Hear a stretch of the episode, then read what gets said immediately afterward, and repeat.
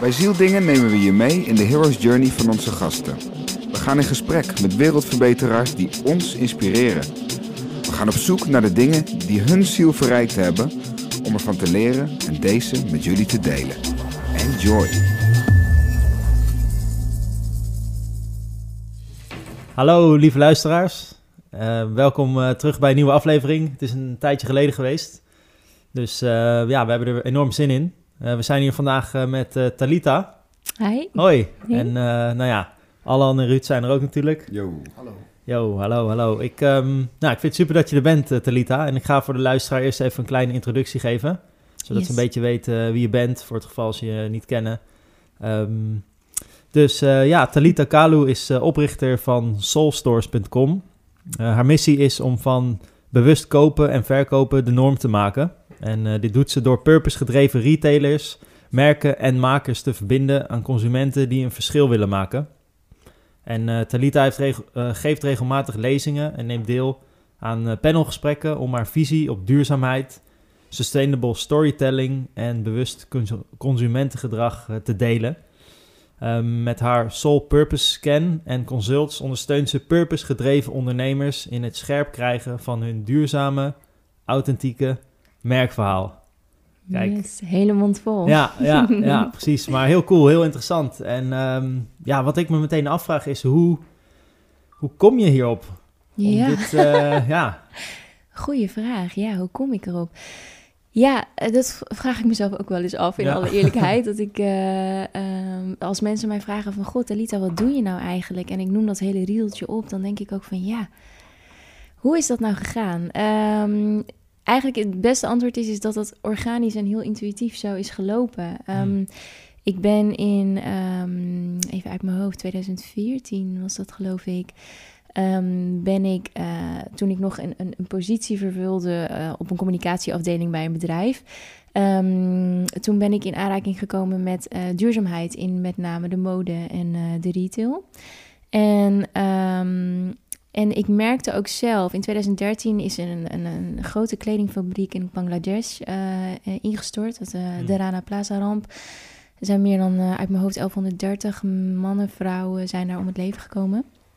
En ik weet dat dat mij heel erg heeft geraakt, omdat ik um, merkte op het moment dat ik dat nieuws hoorde, dat ik zelf kleding droeg van de merken die onder het puin waren gevonden. Hmm. En dat vond ik heel confronterend, dat ik op dat moment merkte ik echt van wat, wat, wat draag ik eigenlijk? Uh, en waarom is dat? En uh, toen ben ik mij uh, ja, daar heel erg in gaan verdiepen. Uh, ik werkte toen voor een ledenmagazine. Ik interviewde heel veel retailers ook, mode-retailers. En ik merkte dat ik in mijn functie bij dat bedrijf eigenlijk niet zo goed dat verhaal wat ik eigenlijk wilde vertellen, dat ik dat over de bühne kon brengen. Dus toen ben ik met mijn eigen platform gestart, mijn eigen online magazine.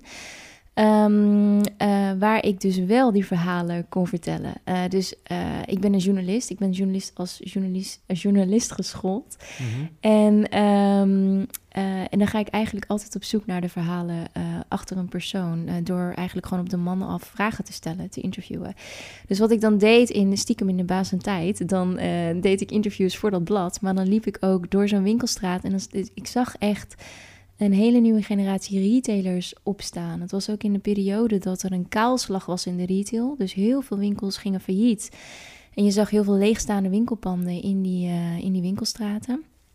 En um, ik merkte ook dat er ook een soort van verzobering ontstond in die winkelstraten. Dus dat er eigenlijk de ziel miste.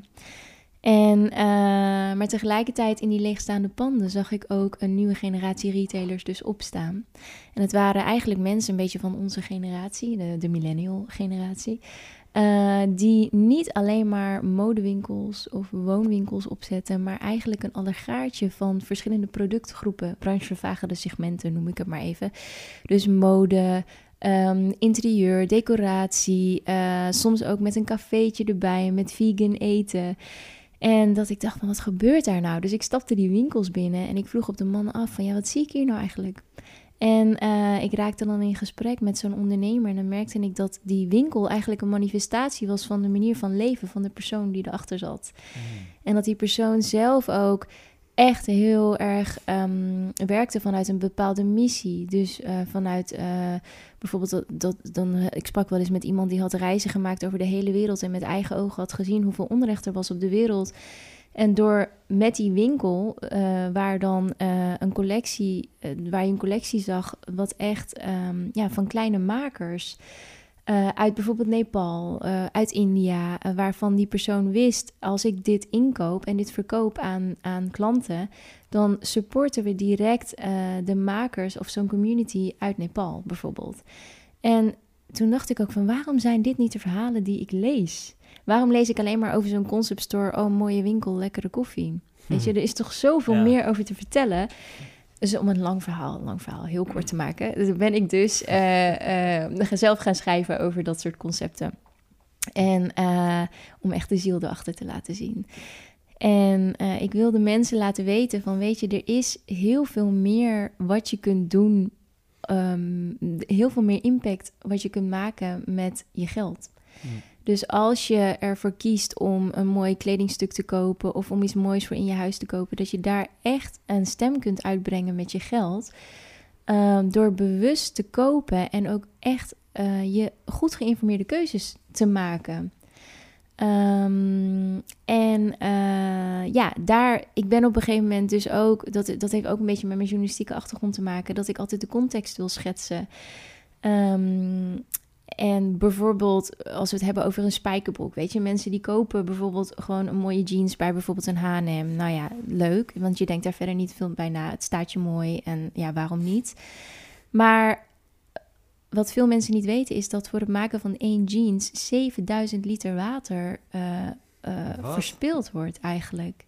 Zo. En dat um, uh, om, om de wassing van zo'n jeans, en daar gaan heel veel chemicaliën komen daarbij kijken. En uh, dat wordt gewoon met het afvalwater mee in een rivier gestort in China, bijvoorbeeld, die nu indigo blauw kleurt, bij wijze van. Um, dat meen je niet, joh. Ja. Dat wist ik niet. Nee, en heel veel mensen weten dat niet. Je kan het ze ook niet kwalijk nemen, want we worden er eigenlijk ook niet goed over geïnformeerd. Dus nee, die taak heb ik een beetje. kopen natuurlijk. Nee, nee, het is ook uiteindelijk een heel groot systeem. Het is uiteindelijk ook, ja, echt als je gaat nadenken over het modesysteem het is gewoon heel complex. Het is ook weinig transparant. En je kan mensen ook eigenlijk bijna niet kwalijk nemen dat ze het niet weten. Um, dus ik ben uh, in 2014 eigenlijk begonnen met die bewustzijn hmm. te creëren, eigenlijk dat bewustzijn te creëren. Uh, flinke taak was dat wel. Uh, ik was ook een van de eerste die dat deed op dat moment. maar gelukkig zie je nu dat er heel veel meer over geschreven wordt verteld wordt. En ik ben eigenlijk een beetje met de, met de tijd gaan meegroeien, organisch, intuïtief, om maar zo te zeggen. Dus op een gegeven moment merkte ik van, er, kwamen steeds meer magazines en platforms die ook begonnen te praten over duurzaamheid. Dus toen ben ik gaan kijken van, oké, wat wordt mijn next step? Niet zozeer om concurrentie voor te zijn, maar omdat ik zag van, uh, oké, uh, die rol wordt nu opgepakt, dus waar ligt nu mijn rol? Hmm. Uh, dat, is, dat is meer, zo zie ik ook een beetje mijn purpose. Van uh, oké, wat is er nu nodig? Wat, waar vraagt de tijdsgeest om? En hoe kan ik geven wat ik te geven heb op dat moment? En van daaruit weer verder ja, dus flowen. In, in 2014, toen voelde je een soort van, er is transparantie, transparantie nodig ja. in de mode, maar Ja. die is er niet. Ja, En je hebt de journalistieke achtergrond, Ja. zei je. Ja. Maar hoe begin je aan zoiets? Want die informatie is natuurlijk niet voor niets nee, eh, niet te vinden. nee. Maar toch heb jij het gevonden, Ja. denk ik. Ja, vragen stellen. Aan, ben aan gewoon- wie? aan, eh, ik, ben vra- ik ben begonnen bij de retailers, dus de mensen in de winkel.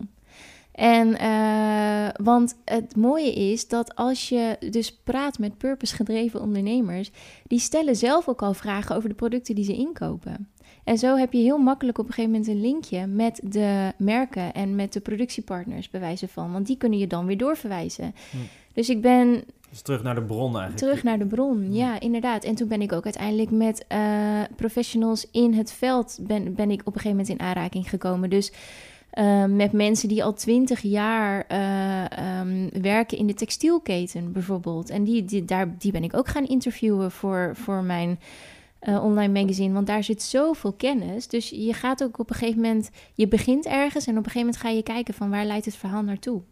En eigenlijk, uiteindelijk, we leven ook wel in een tijd, merk ik, dat het eigenlijk eh, een berichtje verwijderd is van dat je even met iemand kunt bellen en informatie kunt opvragen als je maar de juiste vraag stelt. Ja, ben je wel eens tegen een muur aangelopen, zeg maar, dat je dacht, nou nu, ik voel dat er meer is, maar ik kom hier gewoon niet verder, alsof er iets voor je achter wordt gehouden? Of... Um, ja, goede vraag. Ik zit even te denken. Nou, er zijn wel momenten geweest dat ik dacht van, oh, dit is zo complex. Dan op een gegeven moment stopt het, stopt de trail, zeg maar.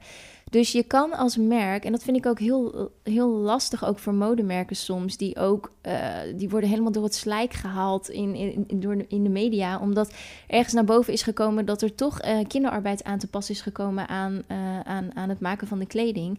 Terwijl ze toch de juiste intenties hadden. En ik ben er zo diep ingedoken dat ik ook weet van op een gegeven moment is het voor die merken ook heel moeilijk om te achterhalen of een fabriek waarmee ze werken niet uiteindelijk het stitchen van de labels in een t-shirt niet uiteindelijk uitbesteden aan een kind op straat, omdat dat toch voor hen wat goedkoper is. Dus, en dat, dat, dat staat nergens in de papieren. Dat wordt gewoon gedaan, want ze hebben zo hun mannetjes. Dus, mm-hmm. En dat kun, je niet in, dat, dat kun je niet in beeld brengen. Dat kun je niet in kaart brengen. Uh, tenzij je er eigenlijk met je neus bovenop gaat zitten, bij wijze van. Gelukkig gebeurt dat ook steeds meer hoor. Maar dan kom je uit op dat daar eigenlijk regelgeving aan de grondslag moet liggen vanuit overheden. Maar dan werk je ook met internationale overheden. En er zit politiek achter. En systemen die elkaar in stand houden. Ja, en dan krijg je wel hoofdpijn, kan ik je vertellen. Want dan denk je wel van wauw, hier is zoveel nodig om dit te veranderen. Ja. Dat lijkt me wel taai om dat te ontdekken. Dat je eigenlijk ja. achterkomt van het is zo'n complex groot systeem. Ja. Maar toch besloot jij om een verschil te gaan maken met wat je kon. Met wat ik kon. Wat je kan. Dat zeg je goed. Het is inderdaad gewoon op het punt waar ik dat kon, waar ik impact kon maken.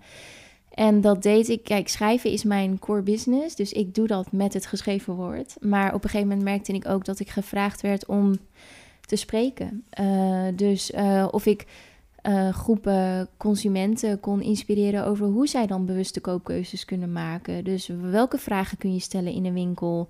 Hoe kun je achterhalen uh, waar een bepaald materiaal vandaan komt in een kledingstuk? Maar het ging op een gegeven moment ook verder, want ik merkte dat er veel, op een gegeven moment heel veel geschreven werd over de mode, dus daar was ik heel blij mee. Maar in ons dagelijks leven, we dragen niet alleen maar kleding. Het gaat ook uh, om wat je op je gezicht smeert. Nou, ik merkte, ik merkte ook dat er eigenlijk in cosmetica gewoon zoveel troep zit. Dat mensen dat ook niet eens. Hoe slecht we daar eigenlijk over geïnformeerd worden. En ja, weet je, als je eens weet wat voor chemicaliën er eigenlijk in, in, in, in mainstream cosmetica zit, wat je gewoon in een drogisterij kunt kopen. Wat onze ouders bij wijze van gewoon op onze billen smeerden, waar, waar, waar, wat wij nu nooit meer bij onze eigen kinderen zouden doen. Ja, dat is, uh, ja, nou, daar ben ik dus ook over gaan schrijven en over, um, uh, over voeding. Maar wel altijd, ik ben wel altijd gaan blijven kijken naar uh, waar ligt mijn expertise? Want je kan ook heel snel vervallen in ik word een foodblogger of ik word een foodie of ik word een beautyblogger. Nee, dat is het niet. Het gaat altijd om um, de context en het grotere verhaal. Dat, hmm. dat is eigenlijk wat ik altijd wil ondervangen. Dus dat is eigenlijk jouw expertise, de, de context en het grotere verhaal ja. achter een merk, maar ook een beetje de waarheid. Ja, ja, eigenlijk wel. ja. ja. Want ik heb wel eens um, bijvoorbeeld op mijn deodorant uh, gekeken. Ja. Dan, ik had een keer gehoord van ja, aluminium, dat uh, is niet goed. Weet je wel, je kan beter deo hebben zonder aluminium bijvoorbeeld. Ja. ja. Nou, toen dacht ik, nou, ik denk nu dat ik goede deo heb. Dus ik ga kijken op, die, op dat label en ik zie gewoon allemaal ja, ingrediënten waar ik gewoon echt helemaal niks van af weet. Ja. Het had van alles kunnen zijn. Allemaal moeilijke woorden en zo. Ja. Hoe, ja, weet jij dan wat al die dingen betekenen? Nee, nee, zeker niet. En het lastige is, het is ook regelgeving dat je die uh, type benaming moet benoemen op de etiketten.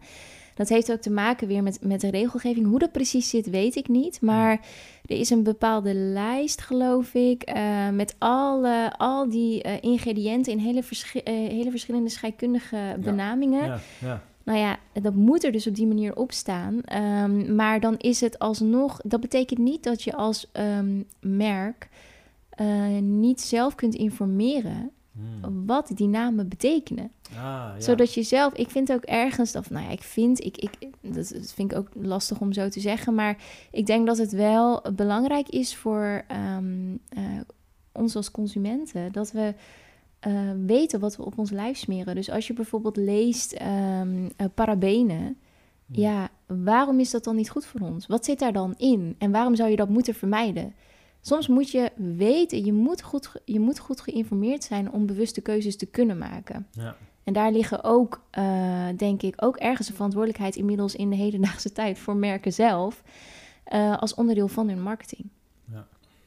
Maar veel merken die houden zich helemaal niet bezig met dit soort dingen. Behalve... Veel niet, maar wel steeds, steeds meer. wel. En dat mm. vind ik een, een gunstige ontwikkeling. Ja. ja, ja. Ja mooi hoor. Heel interessant ook. En uh, ook heel bizar inderdaad. Ik smeer ook bijvoorbeeld uh, crème op mijn gezicht elke ochtend. Ja, ja. En uh, zonder dat ik precies weet wat er eigenlijk allemaal in zit. Ja, ja, en eigenlijk is dat interessant, want eigenlijk mag je bedenken dat alles wat je iedere dag doet en op je lichaam smeert of in je lichaam stopt, dat is de moeite waard om in te duiken wat erin zit, want je doet het iedere dag. Ja, maar dan kom ik dus uit bij dat label met al die woorden. Ja, die, ja. soort van, uh, ja. lijkt wel een soort Chinees wat erop staat voor mij. En dan hoop ik dat je gaat googlen en dat je dan inderdaad de juiste informatie vindt. Ja. En daarom ben ik ook uiteindelijk met de online magazine gestart met gewoon een SEO-systeem erachter, zodat mensen ook wel echt gewoon als ze googlen de juiste informatie kunnen vinden. Ja. Dus dat, Mooi hoor. Wel, ik ben blij dat je dat doet. Uh, ja. ja. ja. nou ja, en heel veel met mij hoor. Er is inmiddels echt heel veel informatie te vinden en gelukkig. Ja. ja. En, en ik ben heel benieuwd. Hè. het heet soulstores.com, je website. En wat is dan de connectie naar de ziel. De ziel is natuurlijk een, woord wat iets anders betekent voor heel veel mensen. Iedereen interpreteert het misschien anders. Ja. Maar ik ben benieuwd hoe jouw, wat jouw definitie is van de ziel en hoe je dat ziet met winkels, zeg maar. Hoe je, de, hoe je die link hebt gemaakt. Ja, hele mooie vraag. Um, ja, eigenlijk wat ik net al een beetje vertelde over wat, dat, ik, dat ik op een gegeven moment zag dat de ziel uit de winkelstraat een beetje zoek was. Mm Zo is het eigenlijk uh, um, op aardsniveau, laat ik het zo zeggen, begonnen. Uh, dat ik met Soulstores ben, ben gestart. Omdat ik merkte van ja, um, winkelstraten, daar komen mensen collectief samen. Weet je wel, die komen daar om te ontspannen, om een beetje te entertainen, om te winkelen. Um, en je voelt daar gewoon een bepaalde vibe wanneer het goed zit. Hm. Uh, uiteindelijk had, heeft het allemaal te maken met energie, maar daar kom ik later pas achter. Uh, en je voelt het wanneer je in een winkel binnenloopt dat het goed zit. Je voelt gewoon, hier wil ik zijn, hier wil ik verblijven, hier wil ik iets kopen. Of ik connect met bijvoorbeeld de persoon die in die winkel staat. Dat is gewoon, ehm, ja, dat, dat noem ik een soul store. Hmm. En uh, omdat ik met zoveel ondernemers op een gegeven moment in winkels sprak, winkels die mij aantrokken op dat niveau, merkte ik dat dat best wel een grote groep was. Kan, kan je een voorbeeld geven van wat voor dingen jou nou dan wel aanspraken in zo'n winkel? Ja, zeker. Dat heeft, had eh, denk ik op heel plastisch niveau had het ook met esthetiek te maken. Dus dat je ook merkte dat, um, dat het esthetisch ook een soort van klopte.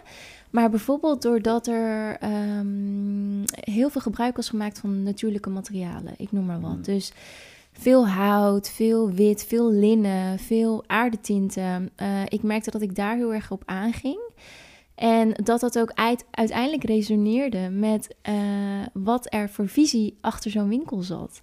Dus dat er ook alleen maar kleding te koop was van natuurlijke materialen of handgemaakt en vakmanschap vanuit uh, verschillende makers uit verschillende landen bijvoorbeeld. Um, dus dat verhaal, dat klopte dan. Ja.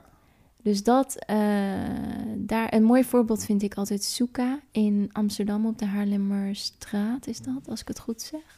Kent iemand die winkel van jullie? Nee. nee. nee Hele mooie winkel. Het is echt, echt prachtig. En zij werken ook met een, um, een atelier in Nepal. Uh, en dat is hun eigen merk ook, Atelier Soeka. En dat is een, een, een echt een, um, ja, bijna een, een, een community eigenlijk waar uh, vrouwen werken die um, door middel van hun werk daar ook on, uh, supported worden in hun levensomstandigheden, dat, hun kinderen naar school, dat ze hun kinderen naar school kunnen sturen, doordat die producten daar ook worden gemaakt. Ja.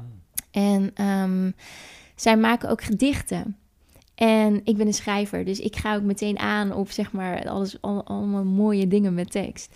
En dan lees je ook echt al op de ramen van zo'n winkel, lees je al zo'n gedicht. Of op de muren, dan hangt ook, hangt ook een prachtig gedicht en alles klopt gewoon. Nou, dat is voor mij echt een soulstore. Ja. Een mooi voorbeeld van een soulstore. Uh, en zo zijn er heel veel verschillende in, in heel veel verschillende gradaties eigenlijk. Ja. ja en, en denk je ook dat, dat de kleding die in een winkel hangt, ja. of nou ja, je had het net ook over, het zijn ook andere dingen dan kleding, ja. maar dat die ook een bepaalde vibratie in zich dragen Ja, waar het vandaan komt, zeg maar. Dus als het bijvoorbeeld op een on, hoe zeg je dat, als er bijvoorbeeld kinderarbeid aan te pas is gekomen of uh, afpersing of whatever, dat Ja. er dan ook een bepaalde vibe in die kleding komt, wat je, als je heel gevoelig bent, wat Ja. je dan misschien oppikt in een winkel. Nou, ik denk wel dat voor echte hele gevoelige mensen, laat ik het zo zeggen, dat ze wel kunnen voelen in bijvoorbeeld het verschil tussen een fast fashion winkel of een soul store. Dat een soul store, dat, je kan het ook het beste zien als zelfstandige winkels. Dus echt gewoon van een, van een zelfstandige eigenaar, zeg maar. Dus Hm. niet zozeer onderdeel van een keten.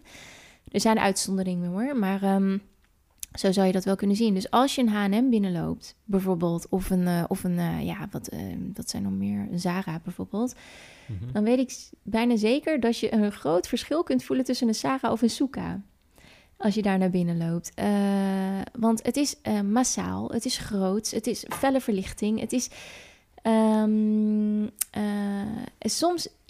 Ik ken ook verhalen van mensen die bijvoorbeeld als ze kleding dragen uit een fast fashion winkel, dat ze bijvoorbeeld eh, huisuitslag krijgen. Hm. En dat heeft er ook puur mee te maken eh, eh, dat daar veel chemicaliën ook voor gebruikt worden om die kleding bijvoorbeeld een kleur te geven. Ehm, en mensen die heel gevoelig zijn, die kunnen daar dus op reageren, bijvoorbeeld. Terwijl als je bijvoorbeeld duurzame kleding draagt met een natuurlijke wassing of die natuurlijk geverfd is, dan heb je dat, veel, dan heb je dat eigenlijk niet. Want daar zijn geen chemicaliën aan te pas gekomen. Dus dat is eigenlijk op een heel concreet niveau, zou je dat eigenlijk kunnen, kunnen zien. Ja, cool joh. Dus, dus eigenlijk zeg, zeg je ook dat een winkel van een soul store is een soort verlengstuk van iemand zijn passie of iemand Ja, zijn, zijn purpose. zijn purpose. Ja, ja. Ja, en eigenlijk, ehm, je zou kunnen zien dat als je, z- dat, dat, dat als je zo'n winkel binnenkomt, dat je eigenlijk connect met de purpose van die persoon. Via de winkel. Via de winkel. Ik, daarom noem ik het ook een manifestatie van een manier van leven. Hmm. Dat is die winkel eigenlijk. En daar, ja. En dan, dan, dan heb je op een gegeven moment, eh, je hebt ook winkels die, die, die ontstaan, daar ontstaan complete communities. Omdat er gelijkgestemden op afkomen, Ja. die daar eh, mee connecten. Ja, en dan heb je eigenlijk vanuit marketingniveau, want ik denk ook wel vaak natuurlijk, ik ben ook een contentstratege, dus ik denk ook vanuit marketingniveau, maar dan op ehm, een integer, op een integere manier. Ja, kun je daar heel mooi op inspelen. Ja, ik, ik heb daar een vraag over. Mhm. Ehm, is het voor soul stores te Mhm. doen om in deze tijd te concurreren tegen de grote ketens die, die er misschien niet zo'n mooie missie op nahouden? Mhm. En ehm, tegelijkertijd wat je volgens mij nu ook ziet, als ik bijvoorbeeld door Hoogkaterijnen loop, Ja, dan zie je heel veel commerciële ketens. ja, Die betalen daar een belachelijk hoge huur voor eh, die winkelpanden. Ehm, en dat het helemaal niet rendabel is en dat de mensen komen in zo'n winkel, gaan vervolgens het online eh, bestellen. ja. Ehm, kan je daar iets over vertellen als het gaat om een beetje het ondernemersklimaat? Want een soul store is dan Ja. idealiter niet een keten, hè? Ja. de persoon erachter. Dus, dus eh, het is heel, ehm, hoe moet ik zeggen, afgekaderd, zou ik maar Ja. zeggen. Het is wat kleiner Ja, hè, en wat menselijker. ja. Is het te doen voor een soul store om eh, ja, zeg maar, eh, het bestaansrecht te behouden tussen al die giganten? Ja, goede vraag. Ja, Eh, dat denk ik wel. Zeker. Maar ik moet zeggen, ik heb in de afgelopen ehm, zes tot acht jaar inmiddels echt de mooiste, mooiste veelbelovende soulstore concepten eh, zien komen, maar ook weer zien gaan. En daar komen we misschien straks op, want dat heeft ook te maken met een stukje zichtbaarheid. Ehm, maar ik denk dat ook de vraag is: moeten ze willen concurreren met de ketens? Niet per se. Dat denk ik niet. Ik denk namelijk dat de, ehm, de eh, toegevoegde waarde van een soul store zit namelijk heel ergens anders. Een soul store heeft niet per se de power of the massa nodig. Een keten wel. Ja, die- Daar is het ja, businessmodel op ingericht. Ja, ja, ja. En bij een soul store is dat niet het geval. Dus een soul store, wat ik bijvoorbeeld net het voorbeeld wat ik aanhaalde met zo'n community. Je kan dus op basis van je community kun je je bestaansrecht opbouwen. Als dat je vaste groep aan klanten is, die trouw terugkeren, dan kun je daar bij wijze van veel meer aan hebben dan aan eh, duizend mensen die door een uh, Kalverstraat lopen, waar, de, waar misschien maar een, klein percentage van naar binnen loopt. Dus ja, dat heeft allemaal te maken met uiteindelijk ook hoe je je positioneert en uh, ja, hoe je je ook ja, je niche afkadert. Ik, ik geloof heel erg in niche-merken. Daar geloof ik wel heel erg in. Ja. Beantwoord dat je vraag? Ja, ja toch wel. Ja? Toch wel, zeker. Ja. Ik kan me ook voorstellen dat een Soulstore misschien ja, minder kosten heeft. Eén pand. Eén pand, ja, inderdaad. Wat je zegt, als je een niche hebt, dan je hebt een vaste klanten. Ja. Uh, kan- is, het, is het zo, is een aanname, hè? dat wil ik Hm. even bij jou toetsen, Mhm. dat, dat bijvoorbeeld kleding in een Soulstore Mhm. gemiddeld meer geld kost dan... Dat, is, dat vind ik altijd een hele leuke vraag eigenlijk. Want wat, is meer, wat betekent het als iets meer geld kost? Het is namelijk altijd een, een, een, een, een perspectief. Het is een, eh, een, een perceptie, sorry, een perceptie. Ehm, want de perceptie over het algemeen is dat duurzaam duur is. Ja, En eh, het is dus maar net hoe je het bekijkt. Kijk, je kan bij een Primark 10 shirtjes kopen van 10 euro. Dat kan. Ja. Ehm, maar ik durf het eigenlijk op een presenteerblaadje te geven dat na een seizoen, misschien net na een jaar, dat die shirtjes allemaal of er zitten wasgaten in, of de kleur is vervaagd en je kan ze eigenlijk weer wegdoen. Of je bent erop uitgekeken omdat er een printje zit die is gebaseerd op een bepaalde tijd die een seizoen later uit de mode is. Mm. Dus, ehm, maar je kan er ook voor kiezen om een shirt te kopen van 80 euro, misschien 100 euro zelfs, waar je drie, drie, misschien wel vijf jaar mee doet, omdat die van zo'n goede kwaliteit is, zo'n mooie pasvorm, dat je het overal mee kunt combineren en in een kleur die ook overal bij past. Een mooie witte kleur of een mooie zwarte. Ja, ik denk dat Alan daar wel... eh, Zeker. ja.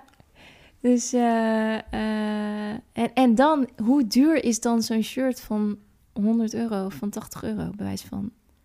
Hmm. ja. Dat is, dat is denk ik altijd. En, en, en natuurlijk begrijp ik het, hè, want het is in één keer een grote uitgave. En, en heel eh, plat gezien heb je voor datzelfde geld 10 shirtjes bij een Primark. Dus je bent eigenlijk, je rekent je rijker met die 10 shirtjes.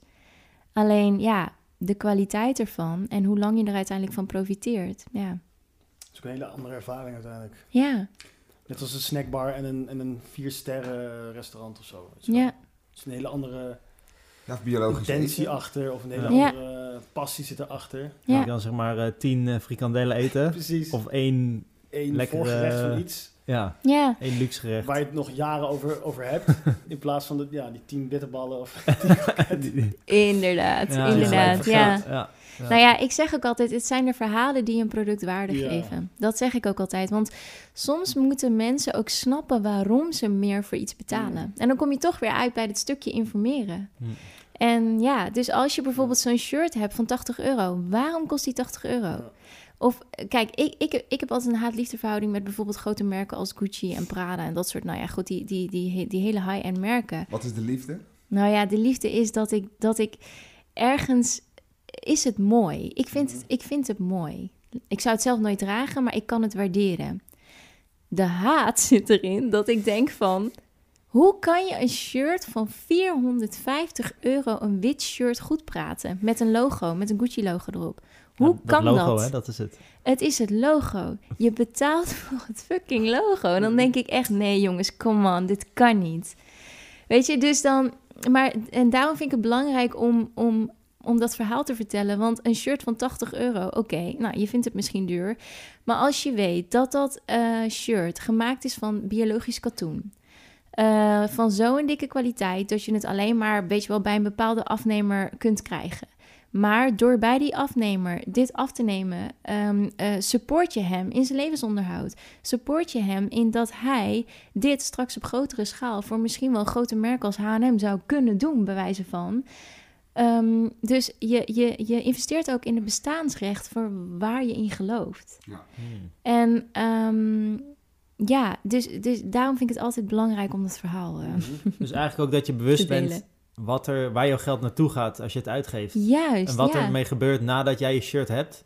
Dat Ja. je weet, oh ja, met dit geld Ja, gaat iemand in Nepal, een, mooie ondernemer, zijn kinderen gaan naar school, hij heeft een mooi katoen.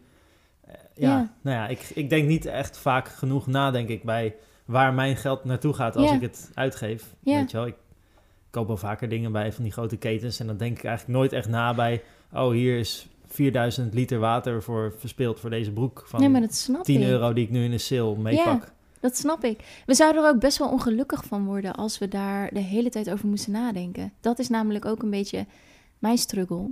Dat ik denk, ja, ga ik nu mensen de hele tijd lopen vertellen wat, wat voor bloed er kleeft aan hun shirt? Ja, is ook niet leuk, weet je. Dat, dat is ook niet per se mijn, mijn Ja, maar bedoeling. ergens keur je het wel een soort van goed. Tenminste, nu ik dit hoor, denk Ja. ik, oh, eigenlijk elke keer dat ik het koop, ga ik erin mee eigenlijk. Toch? Ja, je houdt een systeem in stand. Maar ik ben wel, ik vind het heel belangrijk om altijd iedere, ieder artikel wat ik schrijf, iedere Instagram-post die ik deel, om het met een positieve boodschap af te luisteren of met een positief handelingsperspectief. Hmm. Dus vanuit wat kun jij doen? Mhm. Dus niet zeggen alles is kut, hier zoek het uit, maar gewoon van, gewoon van wat kun jij doen om hier op jouw manier verandering in aan te brengen. En, en, en daarin zeg ik ook altijd, kies voor hetgene wat het dichtst bij jou ligt en wat het makkelijkst is aan te passen in jouw manier van leven, want de rest volgt dan vanzelf. Hmm. Ja. Dus simpel houden, zeg maar. Ja. Dicht bij jezelf. Ja, hou het dicht bij Hmm. jezelf. Hey, ik, eh, ik kan me voorstellen dat eh, wanneer je weer een keer in een, eh een soul store bent Mhm. en ehm, jij gaat je research doen en je komt achter het, eh, het echte verhaal en het verhaal spreekt jou aan en je denkt van Mhm. ja, dit is echt een, eh, een soul store. Ja, Ehm, dat je dan misschien ook vanuit je marketing ehm, kwaliteit Mhm. zo'n ondernemer heel graag wilt helpen. ja. Kan je daar iets over vertellen? Ja, zeker. Ja, ja, ja. Het is eh, ja, mooi dat je hiermee komt. Want dat is namelijk als je het hebt over hoe ben je begonnen en, met, en hoe ben je, waarom doe je wat je nu doet. Eh, mijn reis leidde uiteindelijk ook tot het eh, supporten van die ondernemers, het ondersteunen van die ondernemers aan de achterkant. Want ik merkte inderdaad dat ehm, veel ondernemers die ik sprak met de mooiste concepten, dat die, dat die het toch niet redden. En dat er vaak een stuk lag op zichtbaarheid of communicatie. Dat ze zo goed waren in bijvoorbeeld hun product ontwerpen en ehm, helemaal vanuit een technisch perspectief eh, alles konden eh, eh, ontwikkelen en uitdenken. Maar vervolgens komt dan het stuk, wat heb je in de wereld te zetten? En eh, durf je dat te ownen? Durf je het in de wereld te zetten? Dat is, dat is ook vaak een, een, een, een, belangrijke vraag ook. En waar ook heel vaak, heel logisch ook, een bepaalde blokkade op, ehm, op ligt. Ehm, nou, daar kunnen we misschien straks wat dieper op ingaan. Maar vanuit communicatieperspectief merkte ik dus ook dat op zo'n website zag je dan vooral hele mooie foto's van bijvoorbeeld kleding of cosmetica of, of sieraden. Maar was er eigenlijk vrij weinig andere informatie te vinden? Of was de website niet op zo'n manier ingericht dat de koper snapte wat hij daar kwam doen? En waar kan ik dan kopen? En wat koop ik nou eigenlijk? En terwijl een consument wil wel, als het goed is, eh, goed geïnformeerd zijn keuzes kunnen maken. En ook weten, gewoon heel simpel, waar is de koopknop? Soms mist gewoon. handig, ik heb ja. wel eens websites ik heb websites gezien die zaten dan zo op eh, narratief niveau, bijvoorbeeld dat ze het eh, stukje eh, conversie vergaten, of andersom, dat ze heel erg op conversie zaten en, of echt, en dan het narratief vergaten. Dus ehm, het gaat om de juiste balans tussen al die eh, factoren bij elkaar. En help jij dan om een soort analyse te maken of een soort van ondernemers te helpen om een beetje duiding te geven? Ja, ja. Wat ik dus doe is, ik, ik heb heel lang gewerkt als copywriter. Daar ben ik inmiddels mee eh, gestopt ook. Ehm, want ik, vanuit copywriting kon ik dus bedrijven heel goed helpen met hoe breng je nou ehm, je verhaal goed over op je website. Dus heel simpel webteksten schrijven. Maar ik merkte van ja, maar eigenlijk zit het grootste proces voorafgaand aan het schrijven van die webteksten is de vraag welk verhaal ga ik vertellen. Dus wat is mijn sole purpose? Van waaruit ben ik hier überhaupt mee gestart? Waar ligt mijn toegevoegde waarde? Waarom ben ik de aangewezen persoon om dit op deze manier in de wereld te zetten? En dat is vaak een, eh, dat heeft ook te maken met een bepaalde bescheidenheid van uh, purpose-gedreven ondernemers, dat ze dat stuk niet durven te vertellen soms, omdat ze denken: wie zit daar nou op te wachten op dat verhaal? Hmm. Uh, of dat het voelt van een beetje te pocherig, weet je wel? Van waarom zou ik dat over mijzelf zo zeggen op die manier? Terwijl juist op dat stuk van waarom ben jij de aangewezen persoon om dit te doen, daar ligt je onderscheidend vermogen. Hmm. Dus ik ga heel vaak in mijn gesprekken voorafgaand aan dat überhaupt zo'n webtekst op papier of op de website staat, gaan we dieper in op, weet je wel, hoe ben je hier gekomen? En dan kom je uiteindelijk op hele diepe verhalen van mensen, op hoe ze zijn opgegroeid, uh, wat voor reizen ze hebben gemaakt. Vaak kom je ook op een, op een pijnlijk punt in, een in iemands leven, waardoor ze een knop hebben omgezet en hebben bedacht: ik ga hier iets tegen doen, daarom ben ik hiermee gestart. Hmm. En uh, ja, en dan zonder helemaal te vervallen in dat je iemands levensverhaal op papier zet, kun je wel elementen uit het levensverhaal verweven in het stuk tekst, waardoor mensen ook online de soul gaan voelen van je store. Ja. ja. Wauw. Wat cool. Dus je graaft eigenlijk, je gaat in de persoon achter het merk. Ja. En dan haal je de persoonlijkheid soort van naar voren en bepaalde dingen haal je eruit. Ja. En op die manier geef je ziel aan iemands webwinkel of merk. Het kan namelijk ook in een webwinkel, maar dan moet je echt op, uh, op tekst zitten. Op de combinatie van tekst en beeld en, en narratief. En dat het ook daar klopt. Precies wat je dus fysiek in een winkel hebt, dat kan in principe ook online als je het, ja, inderdaad. En, en daar, daarin heeft het echt te maken met durf je authentiek te zijn. Durf je echt dicht bij jezelf te blijven en dat ook naar buiten te brengen. En vaak is dat voor mensen spannend. En hoe ga je daar dan mee om als je erachter komt dat iemand dat heel moeilijk vindt om bijvoorbeeld authentiek om, om zijn eigen of haar eigen levensverhaal erin te stoppen? Of ja. hoe, hoe ga je daarmee om? Want... Ja, dat, uh, hoe ga ik daarmee om? Dat is een goede vraag. Ik uh, ga in gesprek met zo'n persoon. Um, ik, geef, ik heb bijvoorbeeld een, een Soul Purpose Scan. Dat is, dat, dat is dan een, een dienst die ik aanbied. Heel plat kun je dat gewoon bij mij bewijzen van boeken. Dan kijk ik, maak ik een analyse van je online kanalen, je Instagram, je social media of, of je website. Um, en dan kan ik vaak al zien waar aan de hand van het lezen van de teksten kan ik eigenlijk ook al een persoon lezen. Wow. En dan op basis daarvan ga ik in gesprek met die persoon en dan ga ik kijken van hoe komt het dan dat die koopknop niet op die plek staat? Of hoe komt het dan dat je in uh, uh, wij praat en niet in ik? Hmm. Weet je, het zit vaak in die kleine dingen. Ja, en waar kom je dan bijvoorbeeld achter? dat, het heeft, dat heeft, ja, heeft met verschillende dingen te maken. Uh, je kan bijvoorbeeld erachter komen dat iemand niet in ik durft te praten, omdat ze nog niet zozeer durven te ownen wat ze in de wereld te zetten hebben. Dus dan voelt het veiliger om in een collectief te praten dan in ik. Oh, zo van wij, het merk, ja. maar eigenlijk is het één iemand gewoon. Ja, ja, ja, ja. Vaak kom je ook tegen dat iemand niet zijn eigen foto op de website wil plaatsen. Want wie zit daar nou op te wachten? Waarom zouden mensen moeten zien uh, wie ik ben? Het gaat toch om mijn kleding of het gaat toch om mijn product? En uh, terwijl juist uh, door te zien wie de soul achter zo'n merk of een product is, hm. kunnen mensen een verbinding aangaan met je merk. Hm. Ja, mensen zijn toch op zoek naar die verbinding met andere mensen. Juist in deze tijd zijn en we minder op zoek met naar merken. Ja. ja. Uh, maar ik heb ook wel eens gehad dat ik met een uh, onderneemster heb gesproken die verkocht uh, prachtige jurken um, voor businessvrouwen. En die maakte ze helemaal op maat voor zo'n vrouw. En die kwam dan bij haar thuis. En dan, en dan ze had al helemaal kant, ze had echt een kant-en-klaar ontwerp al, die ze helemaal op jouw maat kon, kon afstellen. En je betaalde dan uh, best wel wat voor zo'n jurk, wel een paar honderd euro. Maar die vrouwen konden dat betalen, want het waren advocaten, bewijzen van echt, echt succesvolle business uh, women. En um, toch durfden ze de, uh, de, um, de prijzen niet echt te communiceren. En in zo'n gesprek gaan we dan dieper in op, maar hoe komt het dan dat je die prijs niet durft te communiceren? Vind je het zelf te duur? Ja, ja, ja, nou ja, dat was wel, ja, ja nou, daar, daar, daar kon het ook wel aan liggen. Maar uiteindelijk, door dieper te vragen, kwam je toch op een heel ander stuk in wat voor gezin ze was opgegroeid. De relatie met de moeder en de zus. En dat ze altijd te horen heeft gekregen dat ze, ehm, dat ze bepaalde dingen te horen heeft gekregen in, tijdens haar opvoeding. Waardoor ze bepaalde beperkende overtuigingen had. Wat zichtbaar werd in dat ze niet achter haar eigen product en haar prijzen kon staan. Wauw. Dan ga je echt meteen heel diep. Dan ga je eh, heel diep, ja. En dan, en dan op een gegeven moment, ja, en dan heb ik op een gegeven moment ook wel eens, ik heb wel eens mensen huilend dan uh, bij me zitten, maar dan heb je wel een doorbraak. Ja. En van daaruit gaan er dingen bewegen. En dan, uh, ja. Dus het, je, ze komen met een communicatievraagstuk.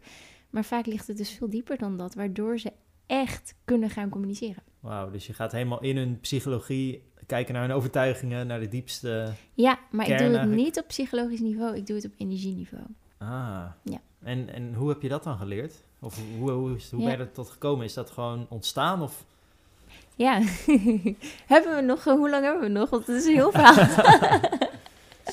Oké. Okay. Tijd zat, ja. Um, ja, dat is, uh, uh, ja, dat is eigenlijk een pad wat ik hiernaast uh, bewandel. Naast um, Soul Stores en, en nou ja, goed, mijn bedrijf. Um, op persoonlijk vlak ben ik veel bezig met energiewerk.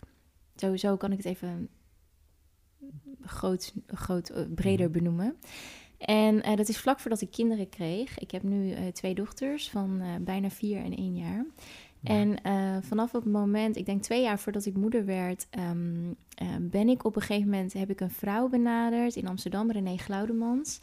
Um, met eigenlijk het vraagstuk, ik heb het gevoel dat ik iets in deze wereld te zetten heb. Ik voel dat ik hier iets kom doen, maar ik weet niet wat dat is. Uh, kun je me helpen? Hm. En uh, ik ben dus bij haar een reading gaan doen. En, um, en toen heeft zij um, uh, eigenlijk, ja, in die reading kwamen gewoon hele mooie dingen naar voren. Eigenlijk dingen die ik al van binnen voelde die zei ook... Ehm, Wat voor reading was dat dan? Een uh, energetische reading. Hmm. Dus dat is een aura-reading, zo kun oh je dat uh, benoemen. En waar, waar ook wordt gekeken naar bijvoorbeeld vorige levens... maar ook bijvoorbeeld naar bepaalde blokkades die te zien zijn in je energie. Nou ja, zo, zo kun je dat eigenlijk uh, zien. En um, zij heeft mij toen uitgenodigd voor een training die zij gaf. De training heette Energetische Perceptie. En dat ging eigenlijk in op hoe je dus vanuit energie kunt waarnemen. Uh, dus uiteindelijk lees je dus ook andere mensen op hun energie. En het mooie is dat ik daar ook al leerde dat ik eigenlijk dat altijd al mijn hele leven deed, maar dat nooit wist. Um, en uh, dus dat uh, van jongs af aan had ik al dat ik bijvoorbeeld op, op de middelbare school kwamen er altijd al mensen naar mij toe, of vriendinnen, of ook geen vriendinnen, gewoon uit andere klassen, die hun hele levensverhaal op mij uitstortten. Maar ook bijvoorbeeld, het ging best wel ver. Er waren ook wel eens meisjes die zichzelf dan bijvoorbeeld um, sneden. Hoe noem je dat? Zelfharming, zeg ja, maar jezelf. Ja. Uh... ja, en die dat dan naar mij lieten zien. En dan, uh, en dan in één keer vertelden waarom ze dat deden. En ik kon het ook dragen op een manier. En dan, eh, ik was twaalf, dus dan de, zich denk je dan van, oké, als ik achteraf over nadenk, dan denk ik, hoe heb ik dat nou gedaan? Nou ja, dat, nou ja ik, ik schrok er niet je echt deed van. Gewoon. Ja. Ik deed het gewoon. Uh, maar ik wist wel altijd al dat ik anders was daarin. Um, en door, mijn, door de begeleiding die ik heb gekregen van René, zij heeft mij daar dus heel erg in begeleid en laten zien van wat daar in mijn skill was en hoe ik dat dus verder kan ontwikkelen. Dus nou ja, energetische perceptie, daar heb ik dus heel erg geleerd. Hoe kun je energie waarnemen zonder daarin je eigen oordeel door te laten uh, klinken? Hmm. Uh, want misschien herken je dat wel. Dat als je bijvoorbeeld je ogen dicht doet en je gaat gewoon uh, visualiseren. Um, dat je misschien denkt van oké, ik zie nu een paard. Waarom zie ik een paard? Waar komt dat paard vandaan? Is dat omdat ik gisteren een film heb gezien waar een paard in voorbij kwam? Nou ja, dan ben je dus eigenlijk zo in je hoofd bezig. Dat, uh, en dat gebeurt vaak. Want zo zijn we ook wel. Ja, dat is, dat is ook wel een beetje de wereld waarin we leven. Dat dat snel gebeurt. Maar wanneer je dat los kunt laten. En echt kunt inzoomen op dat paard en wat dat paard betekent. En door verdiepende vragen te stellen: waarom zie ik dit paard? Wat komt dit paard mij vertellen? Is dit mijn spirit animal? Bewijs van. Wat voor antwoorden komen er dan naar boven? En in één keer laten andere dingen zich zien. Door vragen aan jezelf te stellen dan? Door zelf, hm. ja, vragen aan jezelf te stellen. Verdiepende vragen eigenlijk. En dat, uh, dat, dat, ja, dat ben ik heel erg gaan leren. Um, toen ontdekte ik dat ik ook zelf kon readen. Ehm, en daarin ook, eh, ja, ja, dat, dat, dat, ik weet nog dat ik de eerste keer dat ik ook door gewoon iemands aura te lezen en energie te lezen, dat ik bij die persoon kon zien door de kleur van haar aura en de manier waarom het op, op haar heen, om haar heen hing, dat ze een toxische relatie met haar moeder had. Weet je wel? En, dat, en ik vond het zo bijzonder hoe dat werkte, dat ik dacht, wauw, wat bijzonder dat, dat, dat wij dit eigenlijk kunnen. Ja. En kan je altijd kleuren zien van iemands aura? Of is dat iets waar je dan even soort van voor in een bepaalde staat moet Ik moet gaan? er wel voor, ik moet er voor afstemmen. Ja, ja. ja, En uh, afstemmen doe ik al gewoon in het dagelijks leven blijkbaar. Maar door echt op een, diepere, een dieper niveau af te stemmen, kan, ik dat, kan je dat dus ook bij wijze van zien. Ik zou niet durven zeggen dat iedereen dat kan, maar ik denk wel dat we in principe, als we onszelf de tijd en de ruimte gunnen om dat te ontwikkelen, weet je, dat, dat, Hmm. dat, dat best wel iets is wat we uh, ja, zouden kunnen. Ja. ja. Dus nou ja. Ja, ja, heel, heel interessant. Ik wil er graag meer over weten. Maar even een klein stapje Ja. terug hoor, want ik hoorde je iets zeggen. Daar wil ik even wat over vragen. Want je zei toen ik 12 was, toen voelde ik me altijd al een beetje anders. Ja. Klopt dat? Ja, ja eigenlijk En- al eerder, ja. Oh, al eerder. En ik vroeg me af, ehm, heb je daar wel eens mee geworsteld dat je je anders voelde? Ja, ja, zeker. Ehm, ik heb daarmee geworsteld in de zin van... eh, ik moest altijd huilen. Echt altijd huilen om de kleinste dingen. En ik voelde dingen tot in mijn ziel. Ik, ik, kon, ik kon op tv eh, zien dat een... eh, eh, een, een, een, een, dat, dat een kinderwagen van een berg af, af, af, afrolde, zeg maar. En het ging helemaal goed. Maar nou, ik voelde dat gewoon, dat ik dacht, nee, dat kind, en wat gebeurt daar? En dan, en dan was ik echt, echt een heel... En dan kon ik gewoon jankend voor die tv zitten. En dat iedereen me echt aankeek van, wat, oké, gaat dat wel goed met haar? Maar goed, ik heb wel eens een vlinder doodgereden. Nou, echt, ik, ik, ik, ik heb er echt om gerouwd, weet je wel? Dat soort dingen. Ik maakte geen dieren dood. Ik plukte nooit zomaar bloemen. Ik... Het waren gewoon dingen in essentie al die ik voelde van dat, dat doe je niet, dat kan niet, dat is leven, daar zit een ziel in, dat, dat, dat kun je niet doen, dat mag je niet toe-eigenen. Dus, um, en dat ik ook oprecht, ik, ik werd niet boos, het uitte zich altijd bij mij in verdriet, in huilen. Hm. Daar merkte ik het heel erg. Uh, en had je niet dat, dat, dat vrienden of vriendinnen of familie uh, niet begrepen van, oh, waarom huilt ze altijd of zo? Ja, of, dat had ik inderdaad. Ja, het was wel wat Tolita die huilt altijd. ja. Maar die, ja. die, die energie, die ja. kan je dus niet alleen voelen bij mensen, mm -hmm. maar dus ook wanneer je in de winkel binnenloopt. Ja. Kan je ons daar eens in meenemen? Wat er dan gebeurt? Ja, um, ja, wat gebeurt er dan? Ja, dat, dat, gevoel wat ik net omschreef van dat, het, uh, dat je direct voelt dat het goed zit. Ja. Je, je voelt een vibe. Ik denk dat ik het zo het beste kan omschrijven. Het is een... Um, um, ja, ik, het, het is een soort van vingerspitsengevoel. Dat je dan voelt van, oh ja, hier, uh, de, de muziek is goed, het ruikt hier lekker, het is, al je zintuigen gaan aan en het klopt. Het is in balans en je wil er verblijven. Dat is een beetje wat, wat, wat je daar dan voelt. En ook een glimlach van iemand die je, die je vriendelijk begroet, weet je wel? Dat je, dat je ook... Um, je gaat een soort verbinding aan, ja. Dat je je er veilig voelt. Ja. Een soort van okay. uh, de aura van de winkel. Uh, ja, een beetje de aura van de winkel, ja. Maar kijk, het is, ik had in principe, had ik, dat, dat, daar ben ik nu achter. Ik had deze filosofie op alles kunnen, kunnen botvieren. Ik had ook bijvoorbeeld een, een bedrijf kunnen, een autogarage kunnen beginnen, bij wijze van. met auto's waar ik een ziel in had kunnen zien. Ja. Weet je wel, als, ja. als je maar, ja, het is, het is een gevoel. Ik koos voor winkels, want daar is het mee begonnen. Maar uiteindelijk is het veel groter geworden dan dat. Het gaat om de persoon en de persoon daarachter met wat zij in de wereld te zetten hebben vanuit een purpose. Wauw, wat ja. mooi. En, en um, hoe was dat verder gegaan nadat je die reading had gehad? Want daar was je eigenlijk ja, toen ben ik me verder gaan ontwikkelen in, uh, met verschillende trainingen. Ik heb toen in... Um, mijn, mijn eerste dochter werd geboren in 2018. Toen ben ik in 2019 een transformatietraining gaan volgen van een jaar... waarin we um, eigenlijk de zeven chakra's één voor één afgingen... in zeven lesdagen in een jaar. Bij dezezelfde mevrouw? Ja, bij dezezelfde vrouw, ja. bij René, ja. En dat is een heel diep helend proces. Uh, je, gaat, je, je kijkt alles aan. Uh, je gaat echt schaduwwerk doen. En ja, dat, dat, dat, dat gaat gewoon heel diep. Dus je begint bij je, bij je root. En dus dat is je basis, dat is je fundament, dat is je bestaansrecht. Nou, daar bleek bij mij al een hele hoop te, te, te wankelen eigenlijk. Ehm, en ehm, ja, door, dat is een heel diep helend jaar geweest. Een moeilijk jaar geweest. Want ja, ik was net moeder geworden. Als moeder onderga je ook een complete transformatie. Dus ehm, dat waren heel veel transformaties in één keer. Maar het was ook nodig geweest om te kunnen zijn op het punt waar ik nu ben. Dat, dat, dat uh, heb ik nu wel door. Um, maar het is ook nodig geweest om mijn eigen levensmissie te kunnen omarmen. Want ik liep tot die tijd, ben ik heel erg, heb ik altijd gestruggeld met soulstores. Ook met mijn eigen zichtbaarheid.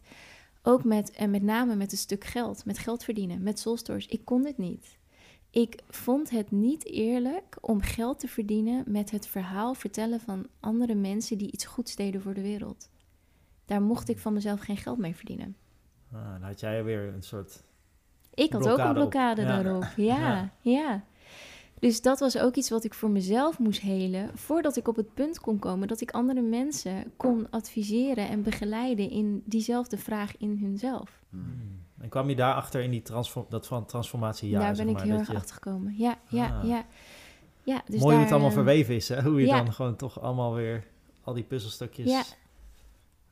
Ja, dat is echt een reis geweest. Dus daarom, het is een soort van reis geweest die parallel is gaan lopen naast mijn ondernemersreis. Um, waardoor alles blijft ook continu in ontwikkeling. Ik, ik, ik zou ook niet weten waar ik over vijf jaar sta. Want het gaat ook heel erg mee met hoe ik mij op dat moment ontwikkel. Ik ben nu bezig met een shamanistische training. Um, met René ook.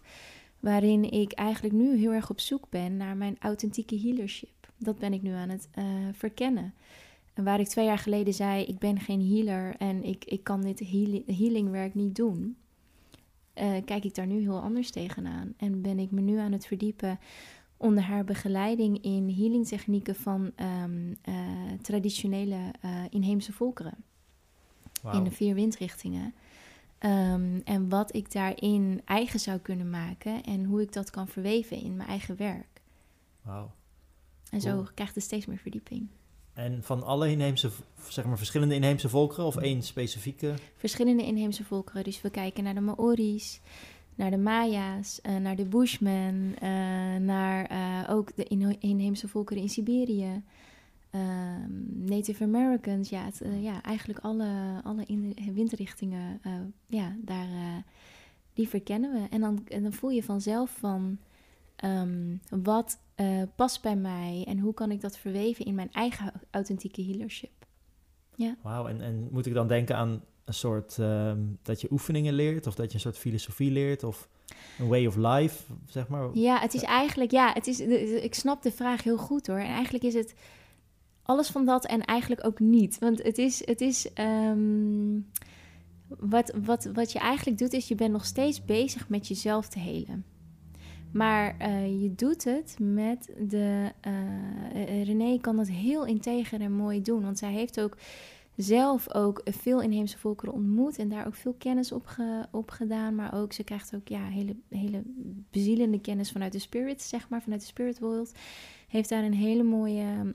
Uh, ja, die technieken zijn dus ook verweven in de manier waarop ze dit aanbiedt. En um, door zelf die oefeningen te doen we hebben bijvoorbeeld een hele mooie oefening gedaan met de jaguar als spirit animal. En die neem je dan mee uh, in een reis door je angsten heen. Dus je doet een soort van soul journey. En je bent dus bezig met het helen van jezelf en het aankijken van je eigen angsten. En iedere keer maak je weer een transformatie door. Want je krijgt inzicht in je angsten en je kan dus weer transformeren.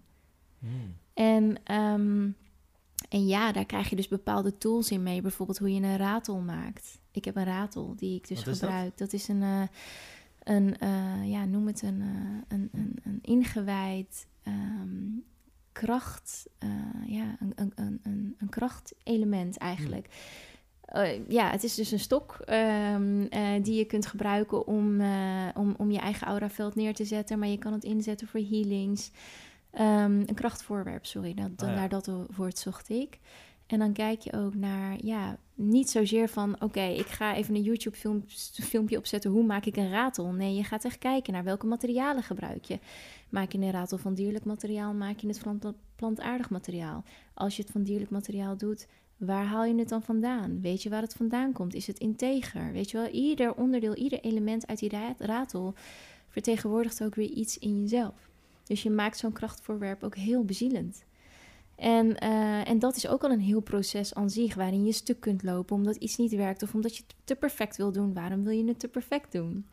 Weet je wel, dus dat alleen, dus dat is een heel concreet iets. Dat is een hele concrete tool waarin je ook weer allerlei dingen leert. Ja. Dus ik, ik maak nu bijvoorbeeld ook met mijn dochter een ratel. Dat is heel leuk. En dan uh, zie je ook echt dat ze hem af en toe ook echt op momenten pakt van uh, ja, dat ze even gewoon even geluid wil horen. En dan gaat ze zo en dan zet ze hem weer neer. En als er dan vriendinnetjes komen, dan zegt ze: Kijk mijn ratel. zegt ze dan. Dat is wel echt heel leuk. Ja. Ja, ja mooi hoor. Interessant, uh, zeker. En, en nu zie je ook een soort van dat die twee werelden samen gaan komen op een gegeven moment? Of, nou ja, ik ben, ik ben daar. Dat, dat is eigenlijk het punt in mijn reis waar ik nu sta. Van hoe breng ik deze werelden samen? En ik ben het eigenlijk al aan het doen op een. Um, ja, hele intuïtieve manier. Dus bijvoorbeeld wat ik net vertelde over die vrouw met die doorbraak. Dat is eigenlijk al uh, ik in mijn rol als, als, uh, als healer eigenlijk. Um, maar zonder dat ik dat wist. Ja. En ik ben nu voor mezelf dus aan het verkennen van wat betekent healership voor mij. En hoe kan ik dit verweven in het werk wat ik nu doe? Hoe kan ik dit um, verweven in soulstores? En uh, ja, of moet dat misschien losstaan van elkaar? Dus dat is voor mij ook, dat is voor mij dus persoonlijk ook een hele reis. Ja. ja. Het is gewoon een heel proces. Uh, wat allemaal, heel proces. Uh, ja. ja. ja. En ik ben benieuwd, wat is healership voor jou dan? Als ik... Oeh, dat is een hele goede vraag. Wat is Moeilijke vraag misschien, mij? maar ik ben gewoon benieuwd. Ja, hoe, nee, het is een wat hele... het nu ja. in ieder geval voor je, ja. voor je betekent. Ja. Um, ja, dat is denk ik... Voor mij is dat healership voor mij op dit moment is zelfheling. Dat is het op dit moment voor mij. Dus um, dat je door jezelf te helen ook een ander kunt helen. En, ik, en ik, ik heb het altijd gelezen en het nooit begrepen totdat ik het zelf ging doen. Totdat ik, want ik dacht altijd van ja, maar, maar waarom, waarom moet dat altijd jezelf helen om, om, om een ander te kunnen helen? Maar nu ik het zelf embody, voel ik ook gewoon van, ik had dit werk ook niet kunnen doen als ik nog in deze patronen had gezeten. Als ik inderdaad nog altijd mijn eigen oordeel erin had gebracht, weet je, wat, wat, wat, wat, zou je dan kunnen betekenen voor een ander? Wat, dan is het een projectie.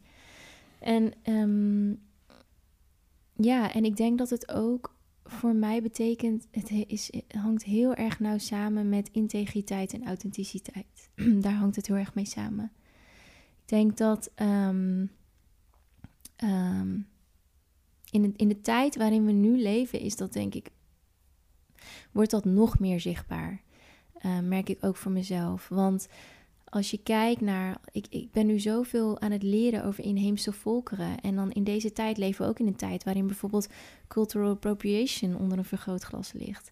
En uiteindelijk heeft dat ook heel veel met elkaar te maken. Sorry, wat, wat woord gebruikt hier net? Cultural appropriation. Ja, het is echt. Zeg ik het goed? Ja, ik zeg het goed, hè? Ja, het is. Ik vind het, ik vind het ook altijd een lastig woord om uit te spreken. Maar culturele toe-eigening.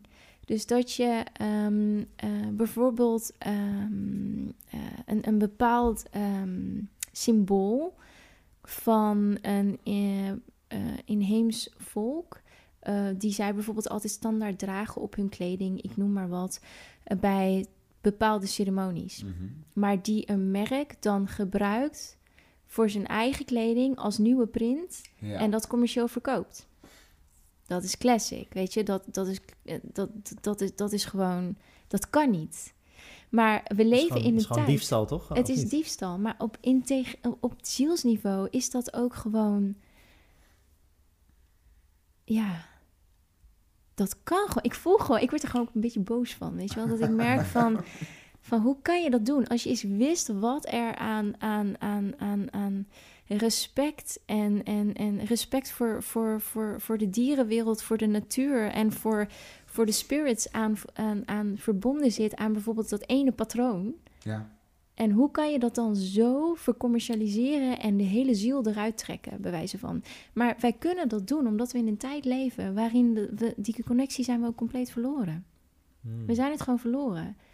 En ehm, daarom denk ik ook dat het in deze tijd zo belangrijk is dat we ook weer die connectie met onszelf maken.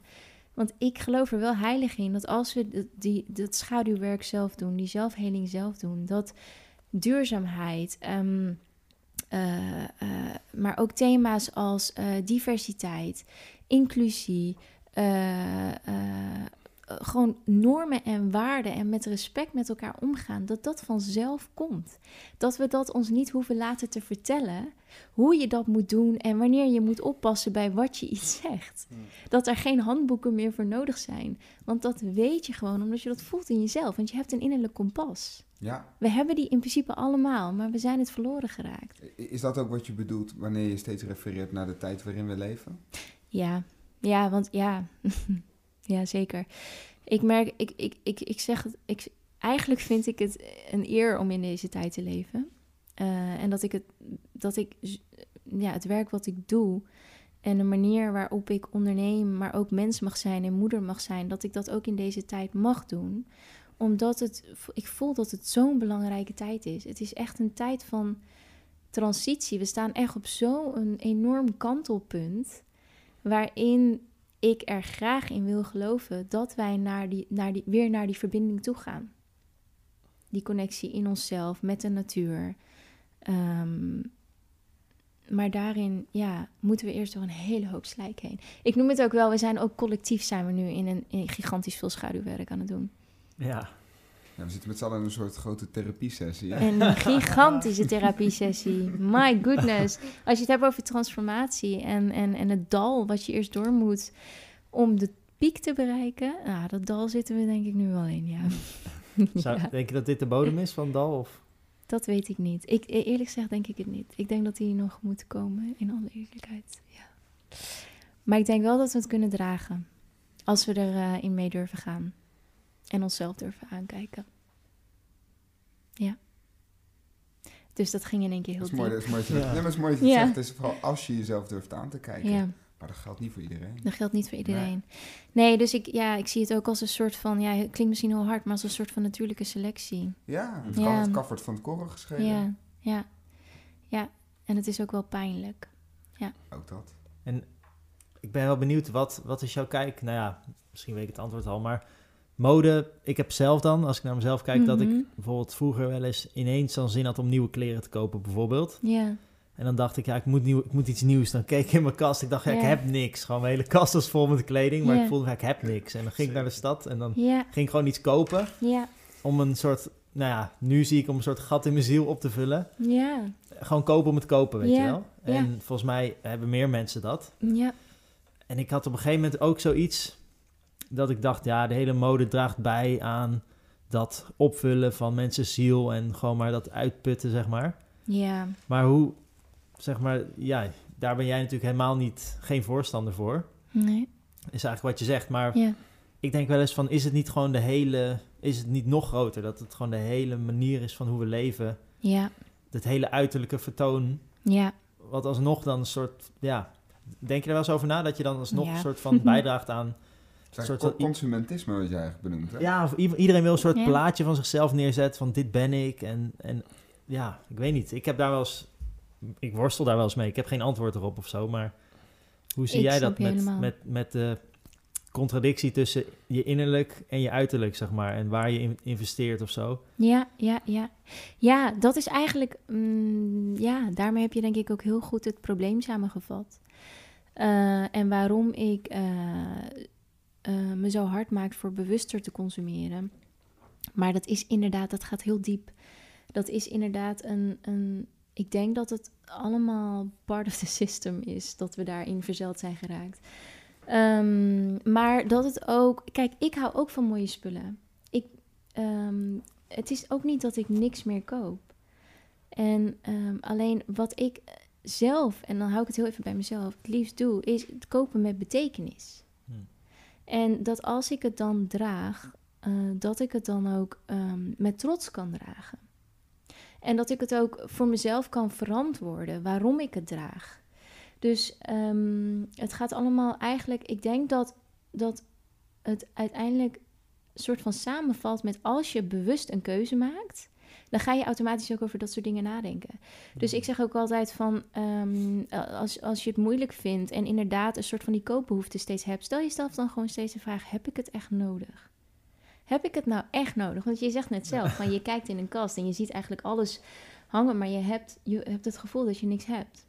Ja, dat, dat is dus duidelijk gewoon iets in mezelf in plaats van die kast die hangt al vol, weet je wel. Ja, ja. Dus Terwijl als je, uh, ik bedoel, er is ook een, een, een soort collega en eigenlijk ook een vriendin van mij, Kiara Spruit. Zij heeft uh, een, uh, een bedrijf Indiaan in je kast en zij is stelcoach.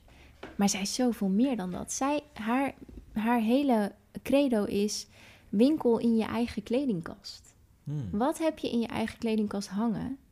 En als je daar nou met andere ogen naar kijkt, en, als, en zij kan je dus ook laten zien hoe je dat stelt op een andere manier, waardoor je weer met hele andere ogen naar je eigen kleding gaat kijken.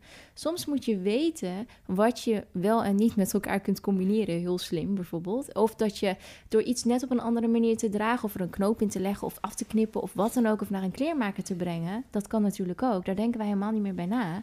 Er zijn kleermakers, die kunnen dingen. Dat zijn echte vakmensen. Als we op die manier gaan nadenken over onze kleding en dan met andere ogen naar onze kledingkast kijken, dan heb je in één keer alles wat je maar wil. Hmm. Dus het is ook een, een, een, een, een uh, mindset Mhm. uiteindelijk. Ja, je perceptie veranderen van je, Je perceptie. kledingkast. Ja, ja. Cool. Het zou mooi zijn als dat gewoon op in de binnenkant van de deur of zo zou staan van je kledingkast. Precies. Ik zou zeggen, gewoon. volg haar, want zij deelt zoveel mooie dingen daarover. Waardoor je al, Oh ja? alleen al door haar te volgen, kijk je al met andere ogen naar je kleding. Hoe heette zij? Kiara Spruit van. Indiaan in je kast. Oké, Ja. cool. Ja, zo echt Gaan we eens een... even, eh, eens even bekijken. ja, het is echt heel Ik leuk eh, hoe zij voel me meer een cowboy eh, in mijn eigen kast heel vaak. Ja, ja, ja. ah. Nee, grapje Ja. hoor, maar goed. Ja, nou, oké. Ja, heb je überhaupt nog praktische tips voor mensen die iets bewuster willen consumeren? Jouw verhaal horen en ja, denken van ja, ik wil toch wel iets doen, ja, maar wat, waar begin ik? Wat, Ja. wat kan ik doen? ja, goede vraag. Ja, dat zijn. En mijn, mijn, eigenlijk mijn allereerste tip is altijd: ehm, eh, begin bij iets wat het dichtst bij je staat en wat, je, wat het meest natuurlijk komt om aan te passen. Dus ehm, kijk, sommige mensen beginnen meteen met eh, zero waste. Gewoon geen plastic meer in je hele huis niet. Ja, weet je, ik geef het je te doen om dat, om, om dat op die manier te implementeren om, als eerste stap. Eh, het kan zijn dat je dan huilend in een hoekje belandt en denkt: ik kan het niet en ik hou ermee op. Ja, maar hoe duurzaam is dat? Weet je, op de lange termijn zet dat geen zoden aan de dijk uiteindelijk. En niemand heeft er wat aan als je dan uiteindelijk je machteloos voelt. Dus ehm, voor mij was het kleding. Ik vond, ik hou van mooie dingen, maar ik zag dat ik ook mooie dingen kon kopen, maar dan met een goed verhaal erachter. Dus dat was een kleine stap. Voor andere mensen kan het zijn eh, door meer biologisch te kopen. Eh, of bijvoorbeeld één keer in de week je vlees te vervangen. Nou ja, goed, die tips kennen we allemaal Mhm. wel. Maar eh, ook al is het maar zo klein, wees niet te hard voor jezelf als je met zoiets kleins begint. Dat zeg ik wel altijd erbij. Want ehm, op de lange termijn hebben we er gewoon meer aan als je committed bent aan je. Eh, ik ben even helemaal. Intentie, zo. Ik was even Mhm. helemaal het woord kwijt. Als je committed bent aan je intentie. En dan zul je zien dat van, van daaruit, vanuit die positie, kan het veel eh, organischer groeien in je manier van leven. En dan zul je zien dat je in de supermarkt in één keer ziet dat je ook je afwasmiddel met e- ecologisch kunt kopen. Ja, ja. Weet je wel? Oh, nou dan kies ik dat een keer in plaats van iets anders. Van altijd maar terecht. Ik noem maar wat. Dus ehm, ja, bij mij is dat echt zo begonnen. En, zo, en dat zie ik ook om me heen. En dat zie ik ook bijvoorbeeld bij mijn ouders. Weet je wel, dat zijn gewoon... Ik heb, ik heb Surinaamse ouders. Nou ja, en uiteindelijk kan ik veel meer ook van mijn ouders leren eigenlijk dan zij van mij. Ehm, want mijn vader, die heeft altijd op het land gewerkt. Die heeft op rijstvelden gewerkt in Suriname. Uh, die heeft eenden gehouden. Waar, en hij voedde zijn eenden met eten uit zijn eigen moestuin. Ah. En mijn vader gaat altijd naar ehm, een landgoed in Brummen, waar wij wonen, eh, toe. Omdat ze daar brood weggooien. Eh, zodat hij dat brood kan meenemen om zijn eenden mee te voeren. En het de restanten kan geven aan een boer in het dorp die zijn schapen ermee voert. Weet je, dus dat is prachtig. Ja. En ik heb vroeger nooit gezien hoeveel ik kon leren van mijn vader, maar nu dus wel. Mm. dus dat, eh, nou goed, dat is even een zijstap. Maar meer als je e- eenmaal je ogen ervoor open eh, hebt, dan zie je in één keer overal om je heen waar je betekenis kunt geven en gewoon je leven kunt verduurzamen. Mm. Of het nou je kleding is of tandpasta. Ja, Check gewoon wat je elke dag gebruikt. Of, ja. ja. En informeer jezelf. Durf te googlen. ja. Weet je, dat is het ook wel echt. Maar, maar het is, eh, ik, ik vind het ook altijd te makkelijk om te zeggen: informeer jezelf. Want soms moet je weten dat je jezelf ergens over moet Mhm. informeren, überhaupt, weet je? Ja, je weet niet altijd wat je nog niet weet. Ja, precies. Ja, Ja, daarom. En tegenwoordig worden sommige dingen ook gecensureerd, toch? Eh, Ja, op absoluut. Google, je kan niet alles meer vinden. Absoluut. Dus kijk, ik zeg ook altijd van, weet je, kijk ook op andere kanalen. Op Instagram kun je ook op bepaalde dingen zoeken, eh, bepaalde mensen volgen die daar dingen over delen, weet je wel. En dan van daaruit kun je ook weer verder zorgen ervoor dat je ook de juiste eh, eh, informatie en nieuws tot je krijgt. Ja, en zo, Ja. ja. Ja. Volg Soulstores. Volg Soulstores. Ja, ik zou het niet willen. Ja, nou ja, Ja. mag ik dat zeggen? Ja. Ja, en, en voor mensen, kijk, ik heb, ik heb mijn Soulstores kanaal, maar ik heb ook mijn persoonlijke eh, kanaal. En we hadden het net over de persoonlijke reis die ik maak, ook als moeder. Nou, dat deel ik daar dus ook heel erg. Weet je wel, van wat leer je nou ook als je ouder wordt, als je een ouder wordt? Ehm, hoe, met welke ogen kijk je dan naar de wereld? Wat wil je je kinderen meegeven? Welke ontwikkeling maak je daar zelf als ouder in door? Weet je wel, wat, wat voor voorbeeld wil je geven? En goed, dat soort dingen. En de struggles die daarbij komen kijken, hè, want dat zijn er een hoop. Nou ja, dat deel ik dus ook ehm, op mijn Mm. persoonlijke kanaal. Ja, maar ook duurzame tips, dat ook, ja. Ja. Ja. Ik zag op je Dus- website iets staan over luiers, duurzame luiers. Ja, ja, ja, inderdaad. Ja. Dus dat, ja, daar, dat, dat zijn ook hele praktische tips waar, die ik ook dus bijvoorbeeld deel. Van ja, Ja. hoe je dus eh, ehm, ja, de, eh, wasbare luiers kunt gebruiken. Eh, maar dat er nu ook, dat is dat als artikel wat jij hebt gelezen, is over Ja. een concept die eigenlijk heel mooi inspeelt op ehm, eh, de meest duurzame luier is de luier die je niet draagt.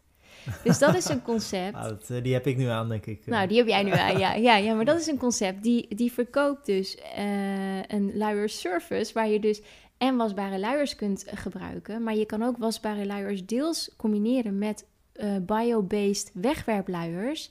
en vervolgens begeleiden ze je in het proces naar zinnelijkheid toe. Je kind, niet jou, je bent als goed zinnelijk, maar je kind. Zodat uiteindelijk, want hoe eerder je uit die luiers bent... ja, dan heb je, hoe, hoe duurzamer dat is. Ja. En ik hou van dat soort concepten. Dat zijn echt die concepten die passen op Soulstores. Omdat die namelijk niet alleen maar ingaan op koop dit duurzame product. Nee, ze kijken ook naar de gebruikersfase. Ze kijken naar het complete verhaal. En, ehm, en dat is ook eigenlijk uiteindelijk ook hoe ik werk. Holistisch om duurzaamheid heen. Hmm, 360 graden eromheen. ja. Is er ook een schaduwkant aan het hele duurzame, Oh ja, die duurzame is stempel. En absoluut. bijvoorbeeld de H&M die nu ook groen Ja. aan het gaan is, volgens mij. Ja, Is dat wel gemeend? Vanuit hun denk je? Is het... Ik weet Is- het niet. Ik weet dat dat vind ik inderdaad, dat vind ik altijd een lastige vraag. Eh, kijk, H&M doet in die zin, vind ik, eh, best wat goede dingen. Ze doen in ieder geval iets, weet je, daar valt wat voor te Mhm. zeggen. Maar eh, eh, Tenminste, ze communiceren dat ze iets doen. Ze Maar of communi- ze aan de achterkant Precies. daadwerkelijk iets doen. precies. En dat is ook mij, altijd. Precies, en dat, dat, is, dat is inderdaad het lastige. Want ehm, ehm, ik kan eigenlijk alleen werken met bedrijven voor Soul Stores als ik weet wie de persoon is die ehm, eh, het bedrijf heeft opgericht. Of als ik weet met welke intentie een bedrijf is opgericht, Mhm. bijvoorbeeld. En bij een H&M weet ik dat niet.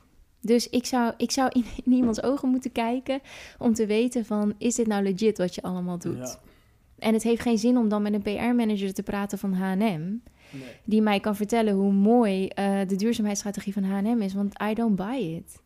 2030 voor dit is volgens mij 100% organisch katoen. Helemaal over zijn in ieder geval. Wat Zag zeg op je? een website Oh, ja. 2030, ja. Ja. Dat is helemaal over. Ja.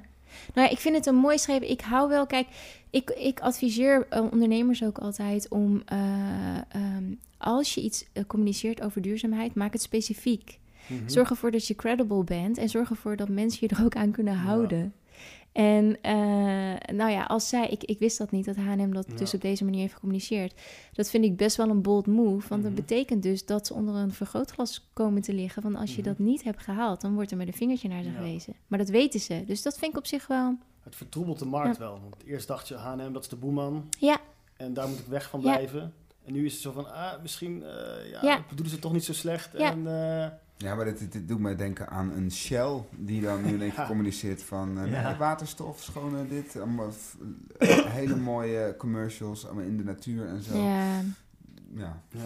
ja. ja, nee, de Shell. vind ik toch echt inderdaad een lastige. Ja, ja, ja. Wat ik, wat, wat ik wel vind van H&M, zij hebben de, al, al heel wat jaren de Conscious collectie. Ehm, ze communiceren bewust dat dat een duurzamere collectie is. Dus dat is altijd wel ook een tip voor mensen thuis. Weet je, ehm, kijk altijd of je een duurzaam alternatief kunt vinden. En eh, eh, grote merken communiceren vaak als ze het goed doen en niet greenwashen, dat ze duurzamere kleding verkopen en niet duurzame. Dus dan weet je altijd, ze hebben het over een duurzamer alternatief, maar ze zijn er nog- niet 100%. Dat is eh, ook hoe je, ja, hoe je kunt weten dat een bedrijf eh, niet eh 100% aan het greenwashen is, zeg Dus maar. dan eh, dumpen ze geen eh, 1000 liter chloor in een rivier, maar 500. Maar 500, ja, Ja. inderdaad. Ja. Nou ja, weet je, ik heb te weinig verstand nu van H&M als bedrijf. Zeg maar, ik weet niet waar ze nu op dit moment staan. Maar ehm, ik snap wel wat je zegt. Het vertroebelt inderdaad de markt. Maar aan de andere kant vind ik het ook goed dat zij bijvoorbeeld met hun Conscious collectie een doelgroep hebben kunnen bereiken die misschien eerder nooit over duurzaamheid had nagedacht. Mm. Want ze hebben wel uiteindelijk een groot bereik.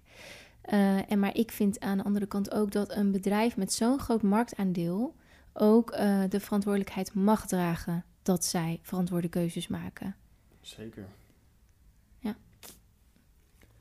Heb je wel eens een eh, dag dat het allemaal even tegen zit? En v- zo ja, hoe, hoe pak je jezelf dan weer op, zeg maar? Goeie vraag, ja. Dat alles, ja, dat, ja, zulke dagen heb ik zeker. Hoe pak ik mezelf dan weer op? Ehm, ik heb inmiddels geleerd dat, ik, dat dat de momenten zijn dat ik in mezelf moet gaan keren.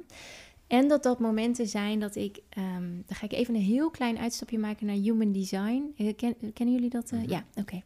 Nou, misschien Ehm. wel voor de luisteraar. Ik weet niet precies wat het is. Ik heb jullie er wel eens over gehoord, maar... Ja. ja, human design is eigenlijk eh, heel kort uitgelegd. Ehm, ja, noem het een, een systeem. Ik denk Ja. dat ik het zo kan zeggen. Hè? Ja, wat werkt vanuit de I Ching en de astrologie en eh, volgens mij de quantum, quantum physics, denk ik. Of quantum, ik weet even niet meer. Hoe, nou ja, goed. Eh, en in ieder geval, eh, het, het, het is een, een heel bijzonder systeem wat ook werkt ook vanuit het systeem van de chakra-psychologie. Ehm, waar die in kaart brengt ehm, hoe je eigenlijk vanaf je geboorte wat je blauwdruk is. Om, om, maar even heel erg plat te zeggen. Echt, je zou een hele episode nodig moeten hebben om uit te leggen wat human design echt is. Maar ehm, het is een hele mooie manier voor veel mensen en ook inmiddels voor mij om meer inzicht te krijgen van ehm, wat mijn eh, strategie mag zijn in het leven. En wat voor mij werkt als persoon. Ik heb bijvoorbeeld eh, eh, geleerd dat ik een projector ben. En een projector is eh, vanuit Human Design een non-energy type. Dus dat betekent dat ik geen constante toevoer aan energie heb. Wat bijvoorbeeld een generator en een manifester wel heeft. Ehm, en de projectors zijn geloof ik uit mijn hoofd 20% van de, van, van, van, van de mensen. Ehm, en dat een projector op uitnodiging het beste dingen kan ondernemen. Dus wanneer ik iets vanuit mezelf initieer en daar niet een uitnodiging van heb ontvangen, bijvoorbeeld, ehm, dan kan, ik, eh, kan dat heel ongemakkelijk voor mij voelen. Hmm. Bijvoorbeeld, dan krijg je daar een onderbuikgevoel van. Maar wat ik ook, ik, ik ben een eh eh 6-2 projector. Dus dat betekent dat ik en eh, een role model functie heb, maar ook een hermit ben. Dus iemand die echt als kluizenaar zich moet terugtrekken. Dat is wel een lastige combinatie. Is een ja, is een lastige combinatie. En wanneer ik een dag heb waarin ik me echt shit voel en dat alles gewoon niet meer werkt, dan weet ik één dat ik niet in verbinding sta met mezelf. Twee, dat ik eigenlijk in mijn schuld moet gaan kruipen. Dan ben ik te veel. Ja, afzonderen of zo. Ik moet me afzonderen en waarschijnlijk heb ik te veel op generator energie zitten leven, wat eigenlijk helemaal niet voor mij weggelegd is. Want ik ben een non-energy type. Ik moet mezelf kunnen opladen. Hmm.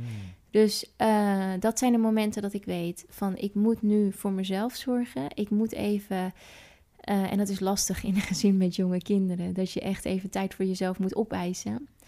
Um, maar um, ja, en dan, dan dat betekent of even in bad zitten of gewoon even door een heel ironisch genoeg door een drukke binnenstad Utrecht lopen. En ook daar laat ik van op, bijvoorbeeld omdat het me weer inspiratie geeft. Hebben de energie van de winkels. Uh, ja, ja, maar echt. Ja, ja, eigenlijk wel. Dat het er gewoon, ja, ik ga dan wel goed op inspirerende energie. Gewoon ins energie wat mij dan weer inspireert. Daar raak ik ook weer opgeladen van. Uh, maar het kan ook betekenen dat ik even wat dieper in mezelf moet duiken. En dan doe ik bijvoorbeeld een kaartlegging voor mezelf.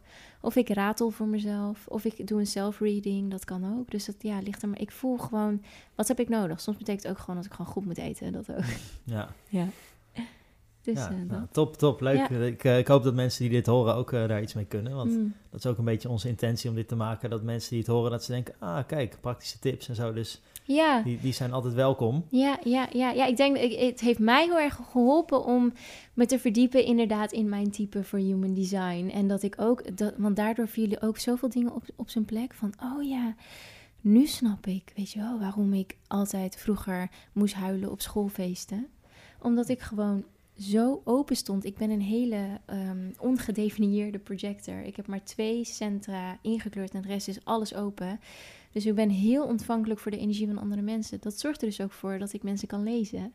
Maar dat zorgt er ook voor dat als ik mezelf niet goed kan begrenzen, dat ik um, energieën van andere mensen, ja, dat die van mij worden. Ja. Maar ik kan het ze ook weer teruggeven.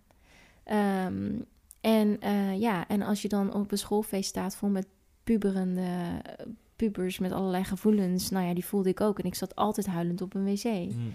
Niet wetend waarom. Ja. Had ik weer wat opgepikt. Nou ja, dat, dat soort dingen vallen nu uh, op zijn plek voor mij. Waardoor ik nu ook heel goed weet hoe ik mezelf moet begrenzen. Mm. Wat ik ook van René leer. Dus ja, het is allemaal lekker verweven elkaar. En leer je daar ook om, om die energieën van anderen soort van weer van je af te laten vallen? Ja, ja, zeker. Ik doe iedere ochtend, en dat heb ik echt, dat heb ik ook van René geleerd. Iedere ochtend doe ik een aardingsoefening. Dat ik uh, de energie wat van een ander is, die laat ik via mijn bekken eigenlijk de aarde instromen. Ik laat mezelf op met de energie van de aarde. En ik laat mezelf op met ja, kosmische energie. Um, en, en, vervolgens zet ik uh, een aura om mezelf heen. Um, en die begrens ik en dan pas begin ik mijn dag. Ja. En, waarom doe je dat in de ochtend? Want dan ja. heb je die energie van die ja. mogelijke persoon of personen de hele nacht al bij je. Ja, ik geloof er zelf ook in dat, ik, dat er in de nacht ook... Uh, dan worden dingen verwerkt, maar uh, ja, dat, dat, dat er ook... ja, nou ja, dat, dan gaan we misschien wel heel ver... maar dat er ook bepaalde energies kunnen zijn... ook van andere mensen die mij weer kunnen beïnvloeden. Um, maar ja, ik ben ook een moeder met jonge kinderen... en ik ben s'nachts heel vaak wakker. Dus ik, ik uh, en omdat ik zo ontvankelijk ben voor energie, dan, dan begin ik soms mijn dag gewoon met 10-0 achterstand. Dus dan heb ik dat echt even nodig. Ik moet ook altijd iedere ochtend douchen. Ik moet dat doen, anders begin ik mijn dag gewoon niet goed. Ik doe die oefening ook altijd onder de douche. Want dat is het enige momentje voor mij op dat moment. Ja. En ik doe hem dus ook in de avond. Mooi, heb je gelijk een soort uh, ochtend- en avondritueel. Ja, ja, ja, inderdaad, ja. En douchen is natuurlijk ook een soort energetische Precies, zo zie ik dat ook. Ja, gewoon het waterelement wat je even schoonmaakt. Precies, ja, Zo zie ik dat ook. Zo visualiseer ik me dat ook altijd. Dat is ook het enige ritueel wat ik doe. Want ik ben totaal niet van de routines. Ik ben geen Alan. Alan die is echt een held in zijn routines en disciplines. ik eh, ik kan er echt een voorbeeld aan nemen. De intentie is daar, maar... Ja. ik switch nog alles van, van routines. Ja. Dat wel. Maar je hebt ze. Ik, ik, vind het lastig. Ik heb ze wel. Maar af en aan. Ja. Journey. Ja, ja, ja. Ook dat. Maar dit zou je niet omschrijven als een routine, maar meer als een dit ritueel Dit is mijn enige, ja, het is mijn ritueel. Heb je nog meer rituelen? Ik heb, uh, even denken, uh, ja, ik heb ook nog, uh, ik heb rituelen voordat ik bijvoorbeeld een, een, een, kaartlegging ga doen voor iemand of een reading voor iemand ga doen. Dan maak ik mezelf altijd schoon, ook met Florida water. Ik ratel, ik maak de ruimte schoon. Ik leg stenen om mezelf heen. Um, kristallen gewoon? kristallen, ja, inderdaad. Ehm, en ik eh, doe altijd een offer voor de spirits. Dus een offer in de vorm van bloemen of zaden of in een natuurelement. Hm. En eh, ik steek altijd een kaars op en dan pas. ehm, eh, en, en ik bedank natuurlijk de spirits en ik nodig ze uit. Eh, en dan eh, begin ik. Ja. En heb je wel eens een eh, encounter gehad met een spirit die je ons graag wil vertellen? Eh, Of iets? Ik ben gewoon benieuwd wat je meemaakt. Ja, even denken hoor, of ik daar... Nou, ik, ik, ik heb encounters met spirits, om maar zo te zeggen, doordat ik bepaalde signs ontvang.